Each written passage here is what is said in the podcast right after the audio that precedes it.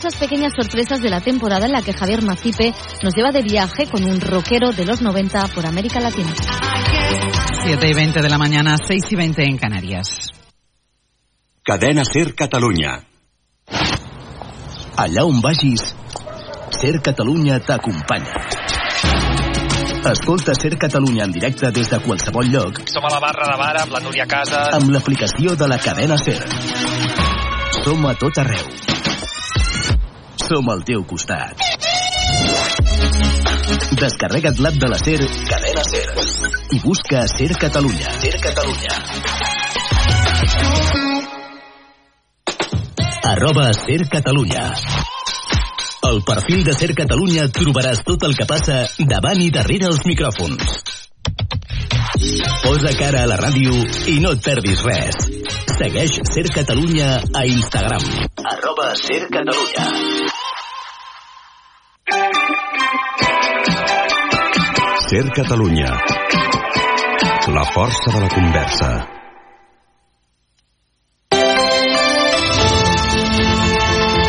Hoy por hoy Catalunya. Sergi López. Què tal? Bon dia. Nou gir de guió al Departament d'Educació en un dels temes més polèmics dels últims cursos. La consellera Anna Simó ha tornat a canviar les regles del joc i ha decidit endarrerir l'inici del curs vinent que començarà el dia 9 de setembre a infantil, a primària i a secundària i a partir del dia 12 de setembre a batxillerat i als cicles. Ara ho ampliem, abans amb la informació serveis. Com estarà avui l'ambient, Jordi Carbó? Avui l'ambient serà fred, no per temperatures eh, molt baixes, eh, sí, més que els darrers dies, amb l'afegit del vent que accentuarà la sensació de fred. Al matí alguns xàfecs a les comarques eh, del nord de Barcelona i Girona, a la tarda més actius aquells xàfecs a l'interior de Girona, on fins i tot hi haurà alguna tronada. Al Pirineu alternaran sol i núvols amb alguns xàfecs de neu. I les màximes es mouran entre els 10 i els 15 graus, compte perquè quan es faci fosc farà més fred que ara mateix. De matí semblant, a la tarda tempestes més intenses a les comarques de Girona i Barcelona i compta amb un diumenge amb la nevada que caurà pràcticament totes les cotes del Pirineu. Anem ara al RAC. Com està el trànsit a l'Esbuguet? Bon dia. Molt bon dia. Registra de moment un accident a la C31 a Badalona on es talla un carril en direcció a Mataró i hi ha algunes cues, mentre que la resta de la xarxa hi ha les retencions habituals d'un divendres al matí i, per tant, en general menys congestió. Ara mateix es nota sobretot a les rondes en sentit Llobregat amb trams de 2-3 quilòmetres de cues des del Nus de la Trinitat a la B20 i des del Fòrum a la Litoral i altres vies van registrant circulació intensa de moment sense massa aturades a l'enllaç de la B23 i l'A2 a Sant Joan d'Espí cap a Barcelona o la C58 com sempre arribant al Nus de la Trinitat en sentit sud. És tot des del RAC. Bon dia. Bon dia gràcies, Alex. Compte els usuaris de la R2 Sud i dels regionals del corredor sud perquè hi ha incidències aquest matí, per tant, us podeu trobar amb problemes en la circulació ferroviària.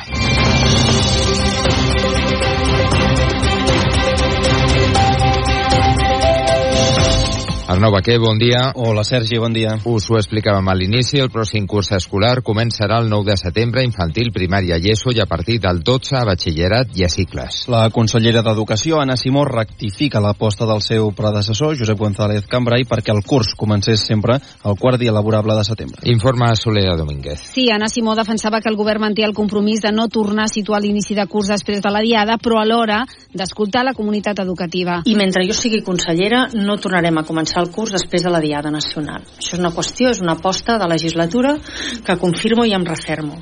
Però al mateix temps he dit sempre que volia escoltar el parer de la comunitat educativa abans de prendre una decisió sobre el calendari. Educació i sindicats han acordat també parlar de la formació dels mestres. El departament diu que incrementarà l'oferta i que pactarà amb els docents incentius perquè es formin incentius en forma de promoció laboral. Els sindicats, però, Arnau, parlen de rectificació a mitges. Sí, alguns com USTEC, la intersindical o el sindicat de professors de secundària insisteixen que el curs hauria de començar el dia 12 de setembre. D'altres, com Comissions Obreres o UGT, diuen que ja està bé el dia 9, però demanen que les plantilles estiguin assignades a 1 de setembre. Són Andreu Montbró, d'Ustec, i Teresa Esparvé, de Comissions Obreres. Pensem també que el que fa és eh, confirmar que la mesura imposada de l'avançament del curs ha estat una mesura negativa. La proposta del dia 9 permet tenir més dies per preparar el curs amb qualitat, però calen mesures necessàries per poder-ho fer amb garanties. La decisió per aquest curs, però no tanca definitivament el debat. Anna Simó va explicar que ha encarregat una avaluació externa sobre l'impacte de la jornada intensiva als instituts i el grapat d'escoles on s'aplica. Caldrà, per tant, decidir com es reorganitza tant l'horari escolar com el calendari. Hoy por hoy Catalunya.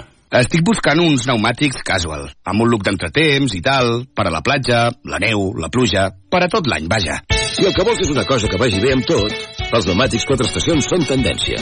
Aprofita el 2x1 de Peugeot Service amb les millors marques i triomfa en qualsevol passarel·la. Eh, vull dir, carretera. Condicions a Peugeot.es. Peugeot. Xarxa de serveis oficials Peugeot de Catalunya. Hi ha persones a punt de caure en el pou del suïcidi. No volen un no t'ho prenguis així, no necessiten lliçons. Necessiten ajuda dels amics, de la família i dels professionals. Escolta'ls i truca al 061. Que no entrin en la foscor del suïcidi. Generalitat de Catalunya, sempre endavant. Tant la defensa de Dani Alves com l'acusació particular recorreran la sentència que ha condemnat el brasiler a 4 anys i mig de presó per violar una jove a finals del 2022 a la discoteca Sutton. És una sentència que posa en el centre el consentiment. El tribunal diu que està convençut, pel que apunten les proves i els testimonis, que hi va haver penetració no consentida.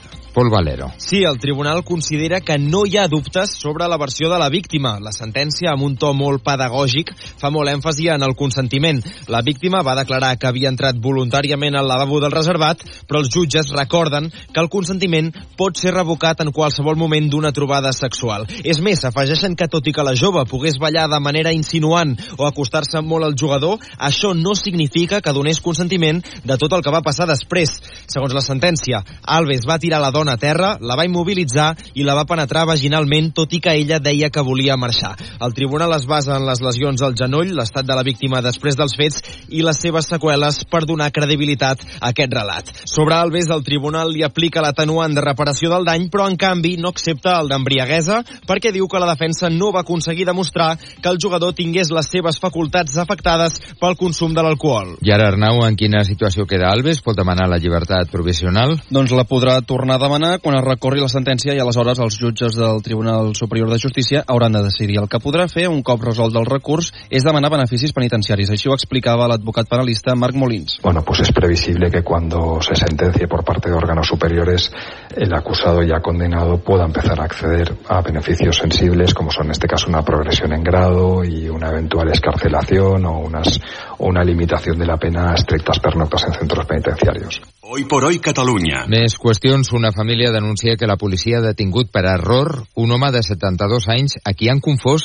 amb un altre home que té el mateix nom i la mateixa edat i que està en recerca i captura a França per tràfic de drogues. El seu nebot ha explicat el cas al balcó de Ser Catalunya. Quina és la versió del jove? Gemma Alegrí.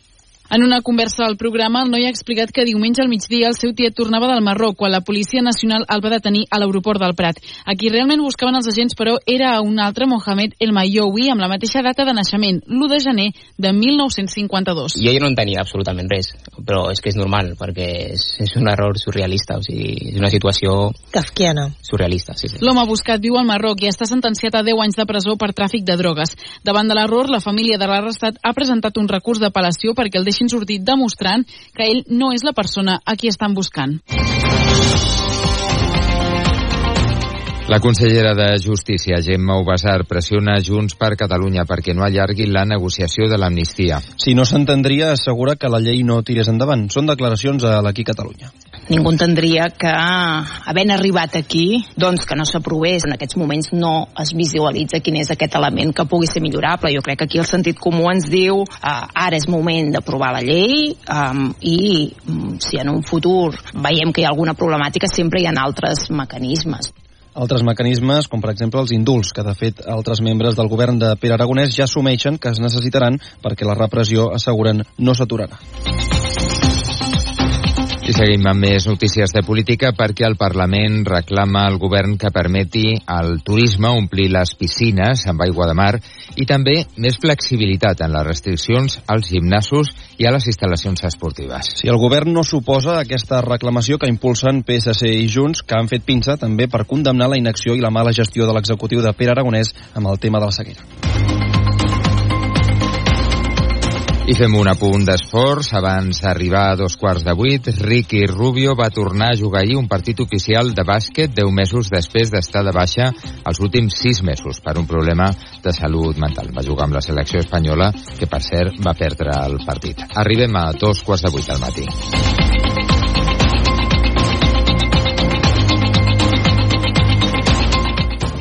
Son las siete y media, las seis y media en Canarias. Hoy por hoy, con Ángeles Barceló. A esta hora está previsto que comience una reunión de los servicios de emergencia en Valencia después del incendio que ha afectado a dos bloques en el barrio del Campaná. Emergencias va a analizar toda la información disponible hasta ahora. Han pasado toda la noche trabajando. Así que volvemos a Valencia. Sastriola de nuevo.